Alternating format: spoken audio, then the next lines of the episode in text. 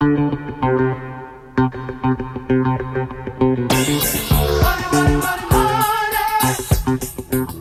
think you were a very, very ineffective leader. Your decision making was absolutely terrible. James, you built a batting cage. You took up all this space. Mark, this is a sales task. You didn't sell a single thing. And again, in this boardroom, we've never had a team lose so badly.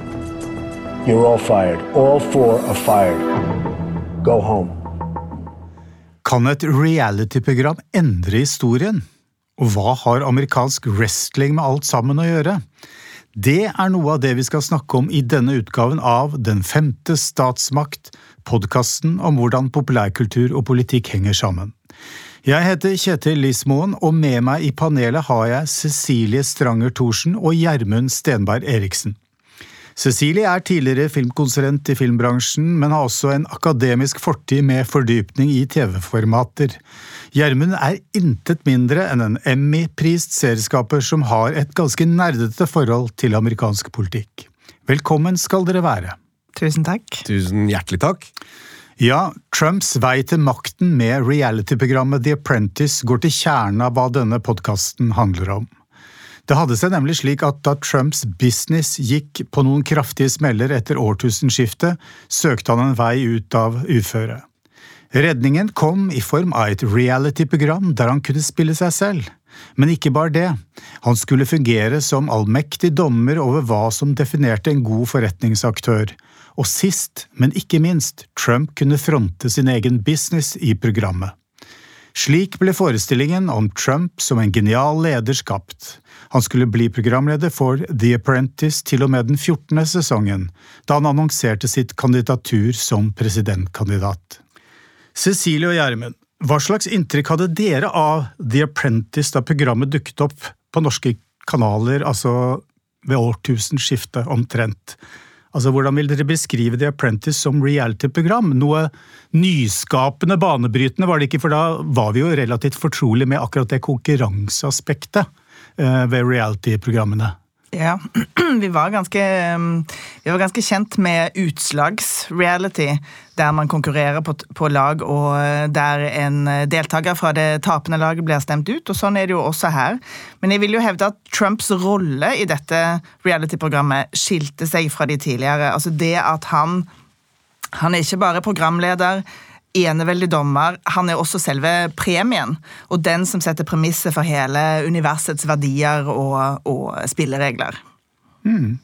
Nei, jeg fulgte ikke det når det kom. Eh, jeg la jo merke til at der kom denne, som jeg hadde da etter hvert skjønt var eh, i mitt bilde, en klovn av en forretningsmann som prøvde å markere seg i hvert eneste kjendisblad som det var mulig å få noe ut av New York eh, å se. Og så kommer der og skal lage late som forretningsleder. Da hadde jeg nettopp begynt i forretningslivet sånn cirka sjøl, i reklamebransjen. Og tenkte det der er, eh, det er bare flaut, og det er jo en karriere som er litt fallert, eh, som gjør at man gjør det. Og så skjedde det jo år etter år, og da steg jeg på, skjønte jo at det ble populært, og at det funka, at det var god dramaturgi. Jeg syns jo det var interessant at han skulle tematisere den amerikanske drømmen, og at de lager en konkurransereality der rags to riches den fortjente lykke, som er den noe annet enn den norske drømmen, nemlig Espen Askeladd, den ufortjente bare fordi du er født snill, så skal mm. du få alt. I USA så må du jobbe hardt for det at, de, at, du skal ha denne ekle monopolmillionæren. Vi hadde også da sett dette spillet han prøvde å selge et eget monopol med seg sjøl. Altså, det er mye sånne parodiske greier.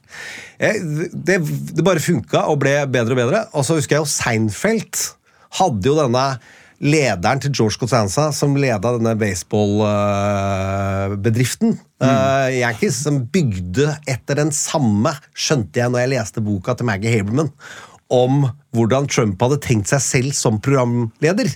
At han tenkte på seg som denne yankee-guden som da var dømte folk nord eller eh, ned.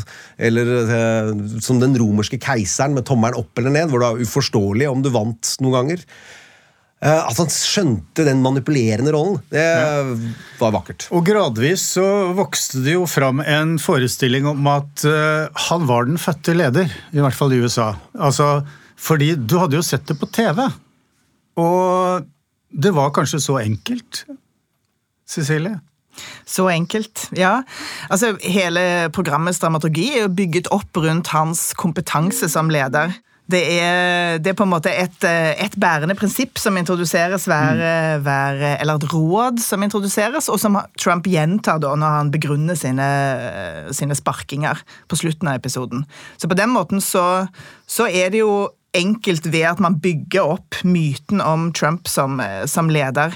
Eh, nå er jo, det er jo skrevet veldig mye om at, at eh, hans suksess som eiendomsmagnat er overdrevet. Men jeg er ikke sikker på at Og det er jo ikke noen hemmelighet heller i den nei, nei. amerikanske offentligheten, men jeg er ikke sikker på at det er det som er viktigst her.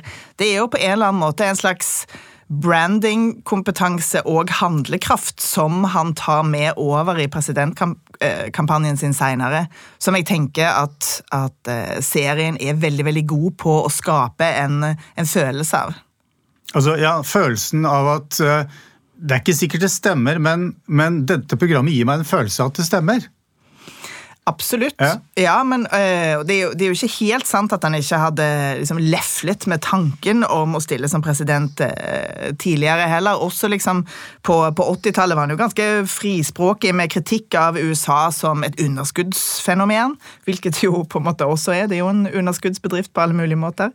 Ehm, og, og hadde hadde på en måte lansert, eh, spøkefullt kanskje, ideer om presidentskapet i 2000 eh, før, eh, og 2004. Mm. Han, hadde, nei, han lefla seriøst nok til å ha samtaler med Roger Stone om å stille for det tredje partiet i USA, og ja. han hadde også lefla med å stille kjempe seg opp i det demokratiske partiet.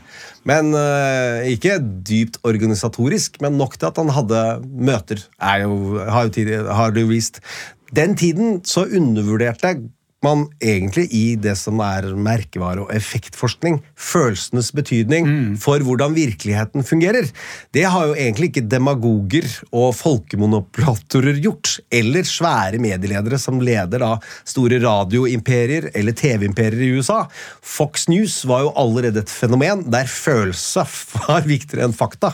Radiorevolusjonen med Rush Limbo, som er glitrende presentert av Thomas Seltzer i den fantastiske boka hans, som jeg leste med et ønske om at han skrev dårlig. Dæven, for en seier av en bok.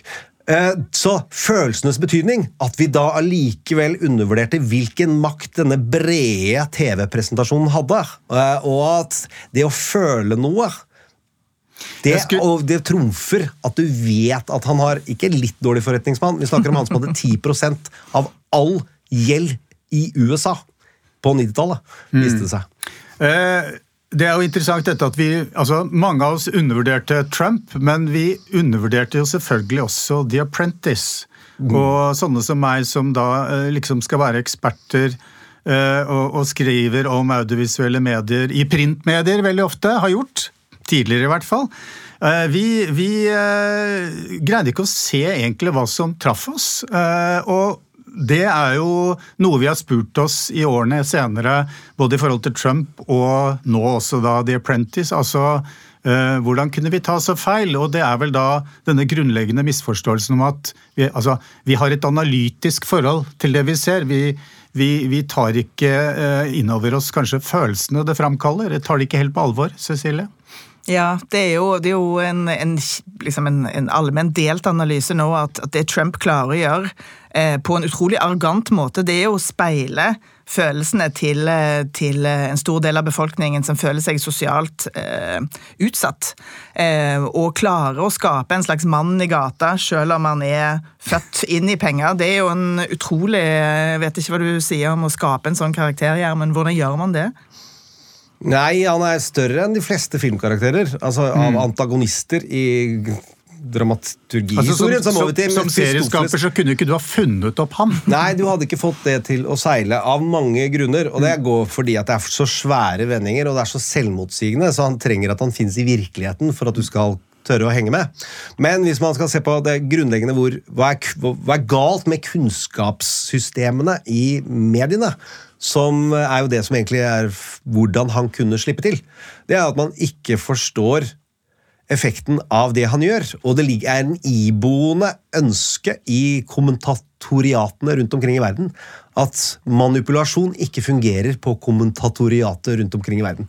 Så man kunne ikke si at PR-kunnskapen hos da, med fasit til hånd, verdens flinkeste manipulator siden Jeg gidder ikke sette den opp mot Hitler, men det er jo klart Hitler klarte å komme utrolig uh, lage en verdenskrig og mm. komme utrolig høyt med demagogiske virkemidler. Og Trump, etter andre verdenskrig, så har ingen med så ræva forutsetninger, altså fordi han er en notorisk løgner, har utrolig skittent forretnings- og personlig rulleblad, blir president. Men, gjennom uh, det som er først og fremst PR, retorikk og dramaturgivirkemidler. Og hvis vi skal se på Trump som en slags eh, politisk skuespiller eh, en, en, en, altså, Eller det han driver, er jo en form for performance, kan man kanskje si. hvordan skal vi beskrive det? Altså, noen har jo vist til hans fascinasjon for amerikansk wrestling. Uh, opera er også noe jeg tenker på innimellom. Altså, jeg tenker på Mussolini. Når jeg ser minespillet til, eh, til Trump uh, når han deltar i debatter eller holder, eller holder taler. Altså, og, det, og, det, var jo noe jeg i starten i hvert fall tenkte at dette blir for dumt, dette blir for banalt, ingen vil falle for dette, osv., osv. Ja, ja Han har jo studert Mussolini og Goebbels ja. og Hitler. Det lå jo på nattbordet, har jo ekskona skrevet mm. i sin bok før hun fikk en så stor sum for å holde kjeft om disse tingene. Uh, og som uh, manipulator så må man egentlig tenke på han mer som et produkt av 50- og 60-tallet. Og Uh, denne Cone-figuren, som var en kjent PR-mann i Roy New York. Cohn. Ja, ja. Som hjalp McCarthy, og så jobbet i New York. Og som trente han opp i at alt er maktspill, og hvor du skal mistenke absolutt alle hele tiden, og alltid en konkurranse om hvem som vinner et møte. Det at det alltid er én som vinner, og resten taper, er han da både da forretningsmessig lagd til, og så er han jo oppdratt av en sosiopat, framstilt av ja Mary J. Trump glimrende i boka, men også Adam Damazio i den første dyppsykologiske boka som kom før han var som presidentkandidat, som ser på Trumps barndom. Han er satt opp mot søskenflokken sin og konkurrerer dem ut og backstabber hele gjengen med applaus fra sin far. Han er topptrent til reality-konkurranser, og dessverre så deltok han da i presidentkampanje, som tross alt kan ses på som den ultimate reality-konkurransen. Ja, Cecilie, altså Trump han trenger en motstander i ringen. Det, er så, det, er så, enkelt som det. og Noen av disse debattene han hadde med altså først eh, Hillary Clinton og senere Biden altså Det, det var jo teatrale forestillinger, i hvert fall fra hans side. Ja, han er, han er, jo en bølle, han er jo en mobber, og hans strategi er jo å gå, gå etter eh, the juggler hver gang som man møter en, eh, en motstander. og Man lurer jo liksom på nå, når, kommer, når kommer kandidatene i det republikanske partiet? Sitter de bare på gjerdet og venter på den første, den første som, eh, som, han eh, går til angrep mot? Mm. Um, mm. Men jeg liker wrestling-metaforen din fordi den er rent teater. Altså Den mm. har et mm. ytre lag av at den later som at dette er virkelig. Så vet jo alle at det er falskt. Også av fansene. og det er jo litt av essensen. Det er bare barna Det er bare barn som tror at det er ekte slåsskamp. Jeg veit da når du skjønner som unge at det var det, men i Norge Jeg husker gutta som kjøpte wrestlingfigurer. Når de var sju-åtte Nei, det er jo bare lek. De skjønner jo det. Det er et spill. Det er som å se film eh, i virkeligheten. De slåss. Det er vanskelig fordi, fordi er det ikke den følelsen man får av Trump noen ganger, at han du, du, merker at han skjønner at dette er et spill. og De andre skjønner ikke. De andre skjønner ikke, de, de, de tar det personlig, mens, mens det virker for Trump som at dette, ja, men dette er teater. Ja. Uh, så du, Den som er med på leken, må tåle steken. Uh, og dette er spillereglene. Vi er i denne ringen, og jeg bruker de midlene jeg kan slippe unna med. Ja, og det fikk han jo til topps i 2016. Eh, mm. Så tapte han jo i 2020. Vi er på Team Demokrati og tror det valget var riktig. Bare så ta en liten vits. ja. ja. Den som har lyst til å, å, se litt mer av hvordan Trump opererer i wrestlingringen, kan jo da se på The Battle of the Billionaires på YouTube, som jo er ganske festlig.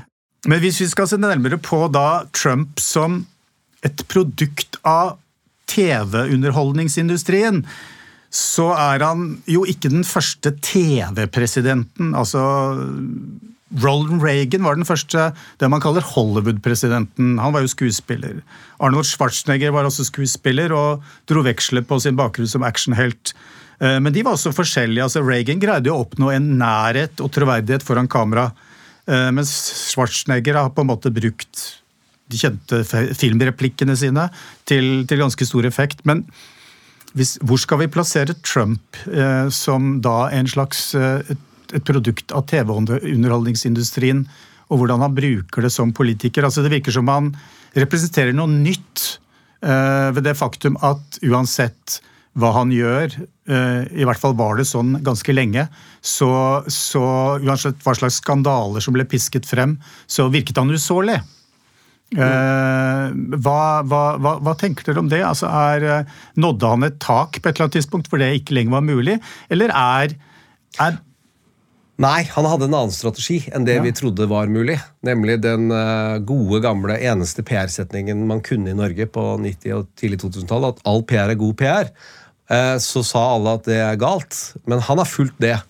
Og at vi ikke nødvendigvis må bli likt, ligger til dramaets natur og som er også utrolig del av den samme utviklingen, hvis man bare bråsammenligner med TV-dramaets utvikling, at antagonistene ikke lenger behøvde å være biprodukt av en TV-serie. At de kunne være hovedperson, skjer jo samtidig med Sopranos og de andre utrolig gode dramaene. Man forstår at med motstand så blir man tydelig, mm. og at Eh, hans strategi om å ikke være likt. Det er også lagd av kjendisbladene på 80-tallet og 90-tallet. At du kan være bad guy og bully og likevel tjene merkevaremessig utrolig mye på det.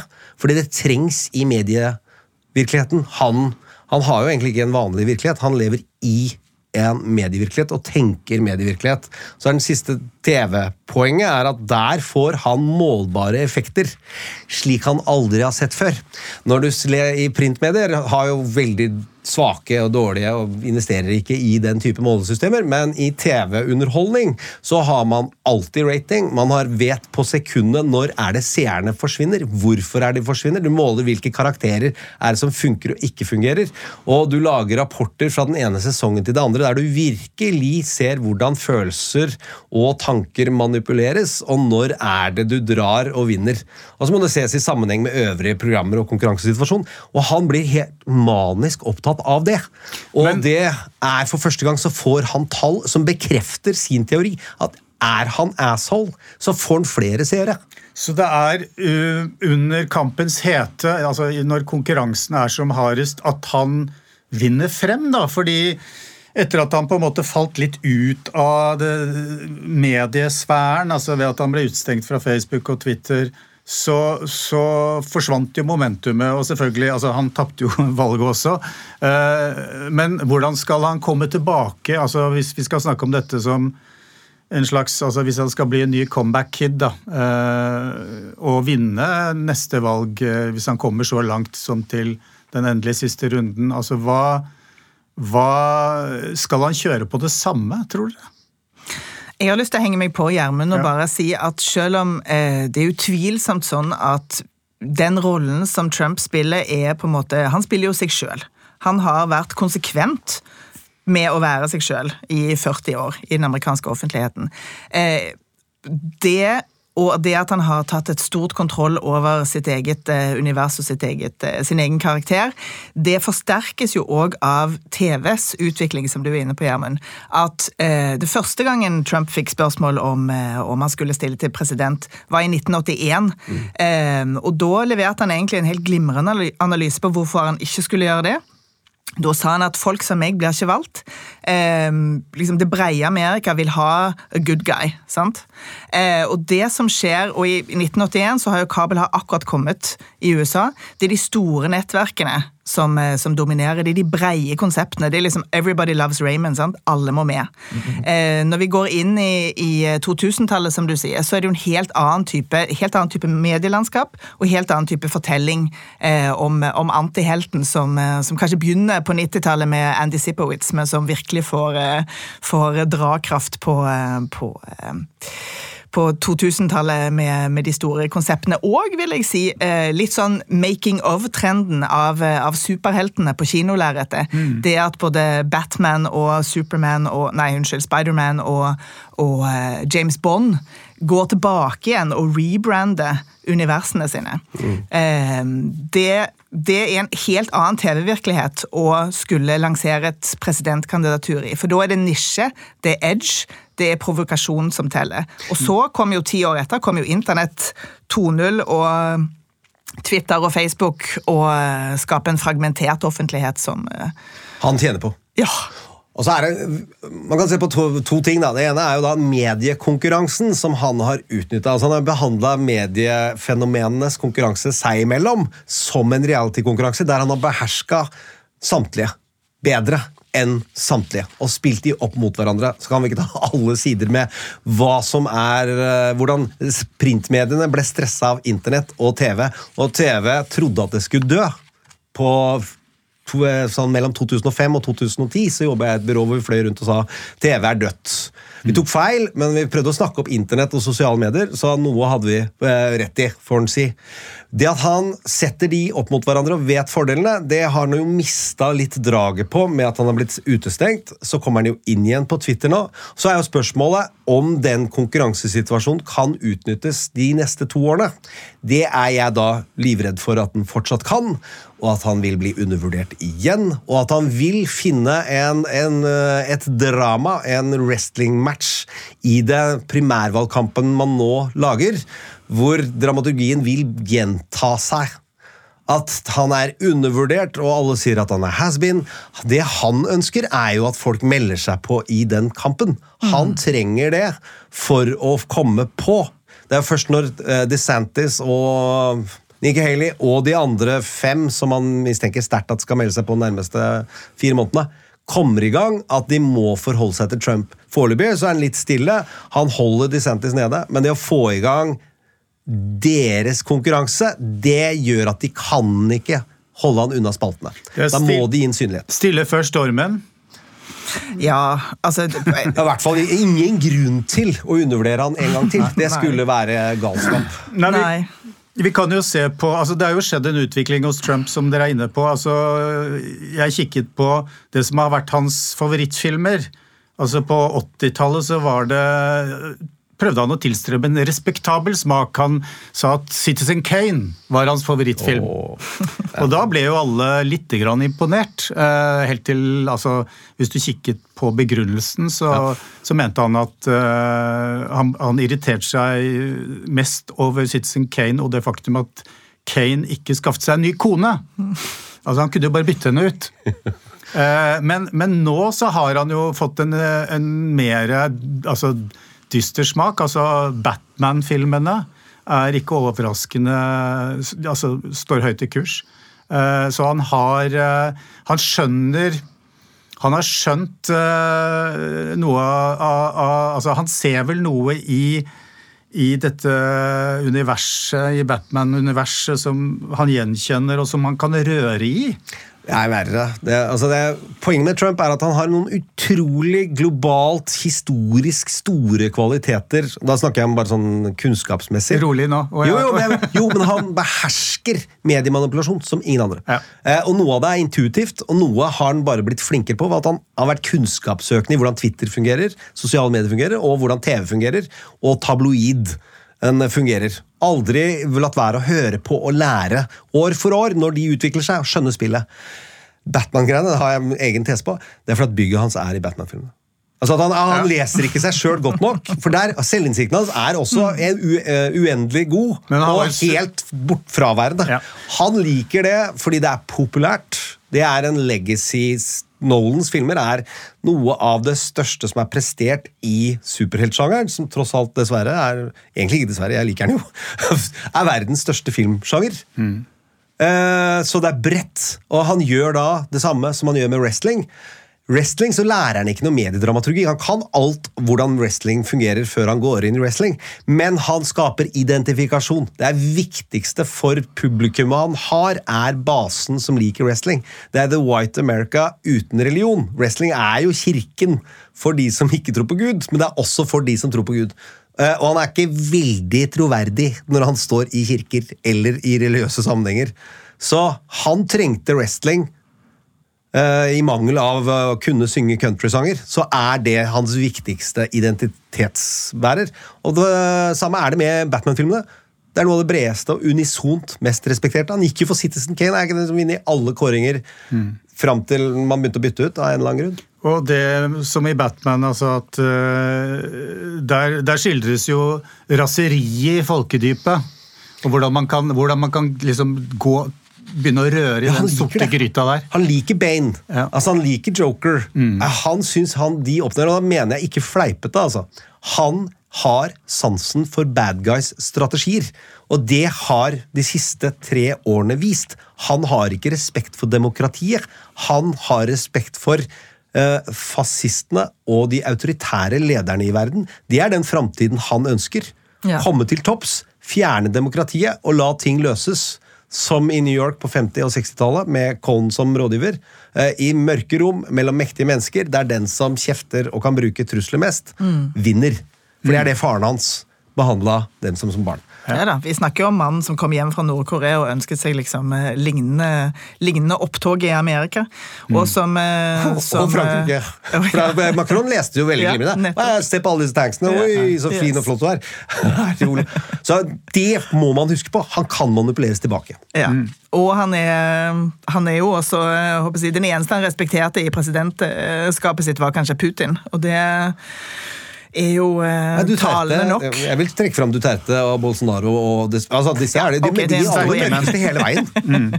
Men, men hvis vi skal være litt sånn øh, Når vi da ser tilbake og skal være litt selvkritiske Uh, Som for eksempel altså Tony Schwartz, som sk- var med på å skrive The Art of the Deal.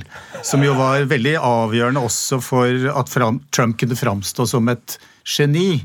Eh, han har jo vært veldig angrende og sagt at eh, han skulle aldri vært med på å skrive den boken, fordi den er rett og slett eh, rent oppspinn, ikke sant. Jeg har aldri greid å lese hele The Art of the Deal. Jeg har lest noen utdrag her og der. jeg vet ikke hva med dere, men, men, men altså denne angeren Han så vel ikke egentlig hva som var i ferd med å vokse fram da. Han mener i dag at han burde ha sett det. Bør Altså, TV-industrien har jo på en måte båret Trump fram. Det er jo konklusjonen på at, altså vår samtale her nå. Er det, er Jeg er uenig i konklusjonen. Nei, ok. Er det, er det grunn til, eh, til å, å, å, å vise anger og sånn i etterklokskapens lys? Burde man ha Var det mulig å skjønne og fatte hva man var med på å bare uh, drive frem? Fordi mediet Altså, Trump har vært så avhengig av, av oss som jobber i media. Men hvis du, hvis du snakker om TV-underholdning og underholdningsindustrien, så syns ikke jeg de har et etisk ansvar i hva, å forstå de karakterene og de eh, popularitetene de Jeg skaper. Nettopp. Jeg Men tenker både underholdningsbransjen, men også en forlengelse av underholdningsbransjen, som er nyhetsbransjen. Ja, men da, da er jo der er den store syndebukken, og jeg syns ikke angeren har vært dyp nok, ikke lang nok, og selvforståelsen og selvkritikken er ikke tatt. Og det gjør at man bør være redd for 2024. Og da snakker jeg ikke bare om den amerikanske, men også her hjemme. Eh, der de skulle Det underholdningsindustrien, altså Hollywoods TV-underholdningsindustri og filmindustri, der de skal angre for alltid, like mye som Schwartz. Heller ikke lest boka til eh, Det er jo ingen som har lest hele. Men jeg tror jeg har hørt han i 100 timer. For han var jo han altså, minst. For han har vært så i podkast og i intervjuverden om hvor mye han angrer. Vært så krystallklar i fem år. liksom Alltid på hvis det er noen som vil ha til å snakke om hva er galt med Donald. Det at underholdningsindustrien, når han stiller som president, ikke kommer med den informasjonen om at han er en klokkerein rasist, en, er en notorisk løgner og manipulator, er en fyr som uh, har et ekstremt skittent metoo-rulleblad som de har innsikt i, og at de tingene aldri blir pusha fram. Vi får liksom uh, the, uh, Grab them by the pussy tapes. Det er ett drypp som nesten knekker den. Og det kommer jo fra en utro medarbeider. De trofaste medarbeiderne har holdt dette tilbake, selv om de har visst det. Men det de kan angre. Ja, men det knakk ham nesten, fordi det var i en fase hvor, han, hvor, han var, hvor han var til en viss grad opptatt, opptatt av å være litt respektabel allikevel. Men bare- siden så har han jo kastet det ut av vinduet. Og Det er det eneste han har angret på. Det er kun Rudy Giuliani, Giuliani og Roger Stone som forsvarte den, så alle andre forlot den. Og Roger Stone sørget da via Putin-lekkasjene til Wikileaks at Hillary-fokuset dreide tilbake, tilbake til dem vi da vil laste her i dag. Media is to blame. Altså det at man ikke forsto løgnens effekt.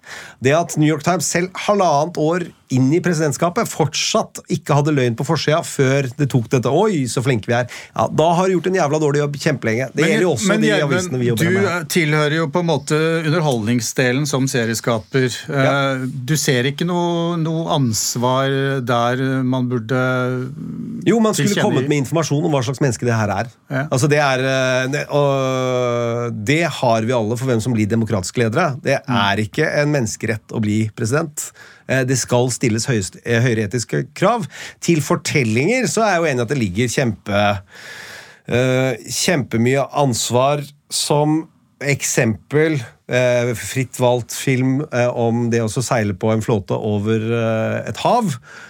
Og da vri en karakter falskt fra å være god og hjelpe til, til å være ond, det mener jeg at fortellere ikke kan gjøre. Altså Vi kan ikke bøye virkeligheten og faktisk lage en falsk framstilling når vi bygger på sanne historier.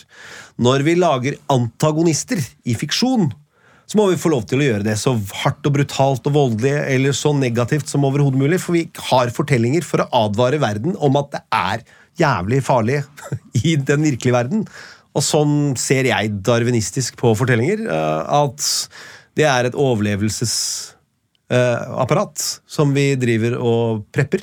Og det å laste de som lager antagonisme, eller mørke sider, har jeg aldri tenkt på som seriøst. Men det er, jo, det er jo interessant, fordi at virkeligheten og fiksjonen blør jo òg inn i hverandre, med f.eks. West Wing, som skaper en karakter i den syvende sesongen eh, eh, Basert som, på Obama. basert på Obama, som selvfølgelig også baner veien for Obamas eh, presidentskap senere. Og 24 med, Laura, med President Palmer baner vei for Obama, mens West Wing, der er researcherne og ser Obama-talen, Ja. tror at svart president too early vil lage latino, Ja. som jeg syns er fascinerende.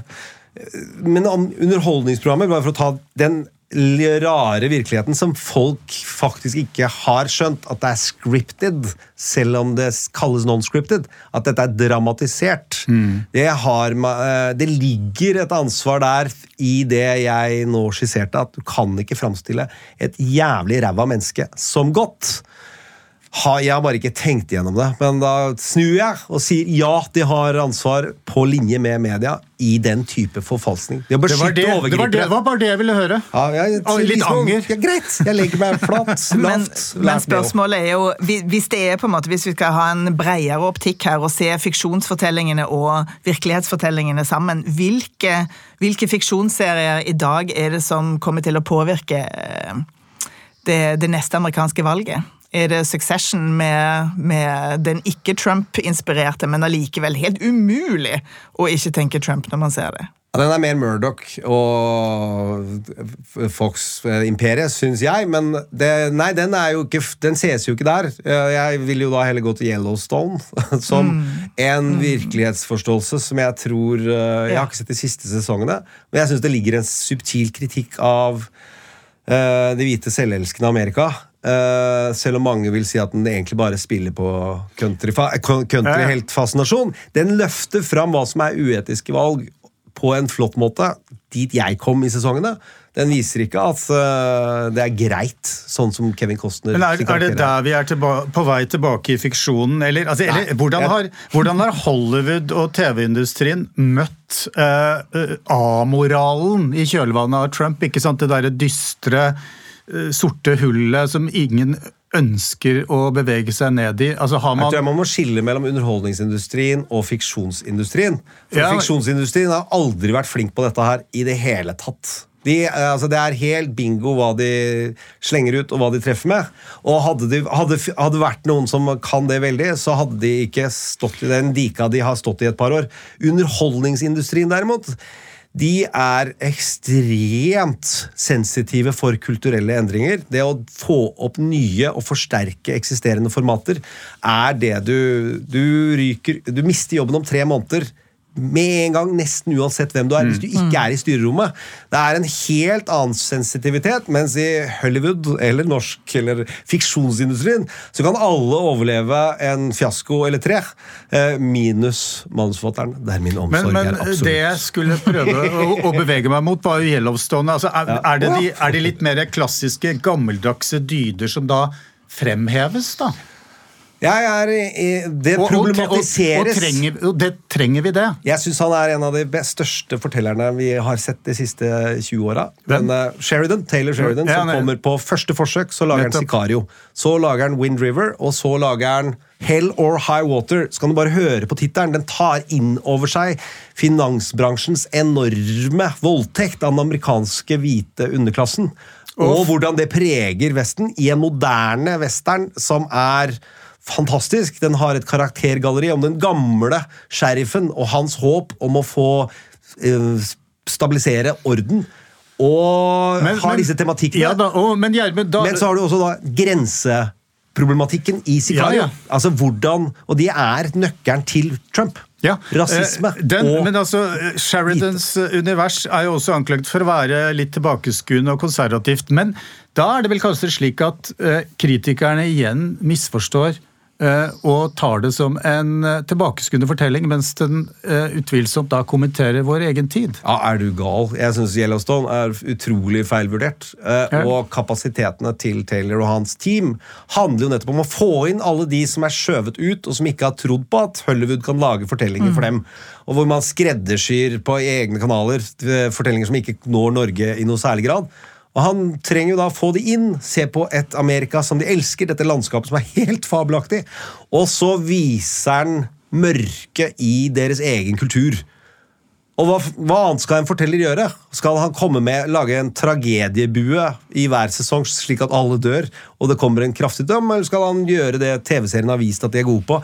Lage lange buer over flere sesonger og komme med et final statement og lage et kjempeprodukt. Jeg har ikke sett de siste sesongene, og den har et volum den lages i et så høy hastighet og med så mange episoder, så er klart den har svakheter. Det er ikke en perfekt drama. Det er nesten ingen som er og klarer å lage. Det er ikke helt Breaking Bad, Wire eller Sopranos, men det er jævla høyt nivå med de forutsetningene at det kommer sesonger løpende på. Men, ja, og så kommer det jo, eh, det kommer jo tidligere eh, Jeg håper å si tidligere sesonger òg i forhold til prequels ja. som også spiser ut. Så det har jo blitt en egen, en egen eh, IP. Men eh, det er jo viktig også å huske at, at Yellowstone klarer jo å romme den identitetspolitiske debatten som foregår for fullt også.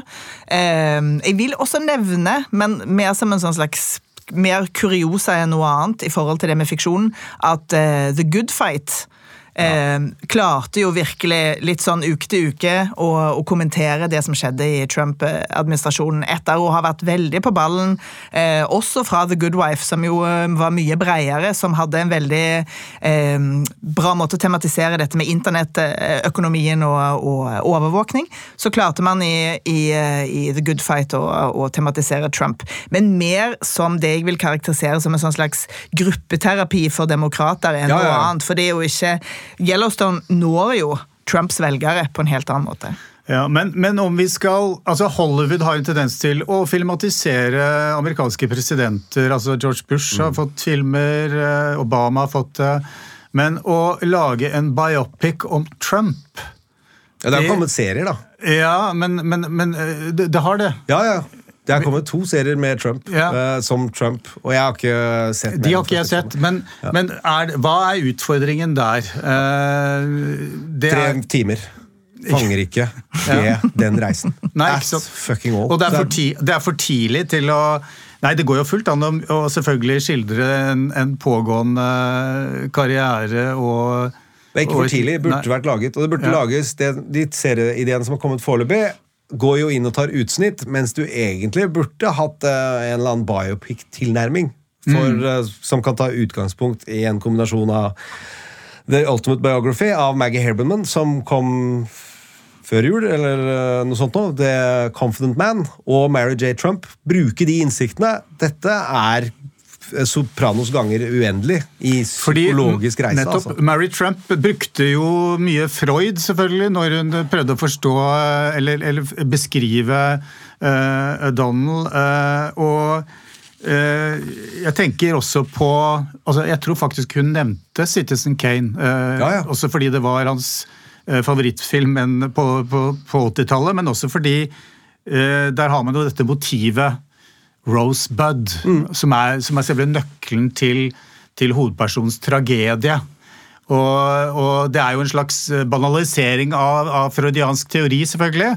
Eh, Men hvis, hvis, altså, hvis det er et motiv i, i, Trumps liv som på en måte kan stå som et tilsvarende symbol eh, Det kunne vært interessant å vite hva det kunne være. Har dere noen, noen korte og fyndige forslag om det? Jeg ble veldig nysgjerrig i hvert fall på hvorfor hans Forhold til faren? ja. Ja, åpenbart, åpenbart, som Gjermund var inne på. Men jeg jeg er veldig interessert i dette med hans interesse for eller bruk av ordet stupid. Eh, hva, er det, hva, hva er det der som, eh, som har preget han i, i oppveksten, og hva, hva slags virkemidler er det faren brukte som, eh, som gjør at det er det absolutt verste analysen han kan levere? It's so stupid. Det er kompleksene. Altså, Det er den enorme kraften i å ha komplekser, som jeg syns da er det burde være kjernen. Dette, nå lager vi fra hofta her, så Ja, ja, ja, det bare blir litt til. Men jeg syns du har et utrolig godt poeng. Det er den enorme frykten for ikke å være god nok, som jeg kjenner utrolig godt på sjøl. Altså, den kjenner jeg ekstremt Jeg er mellomstebror. Jeg har en bror som hadde utrolig flink og utrolig elsket.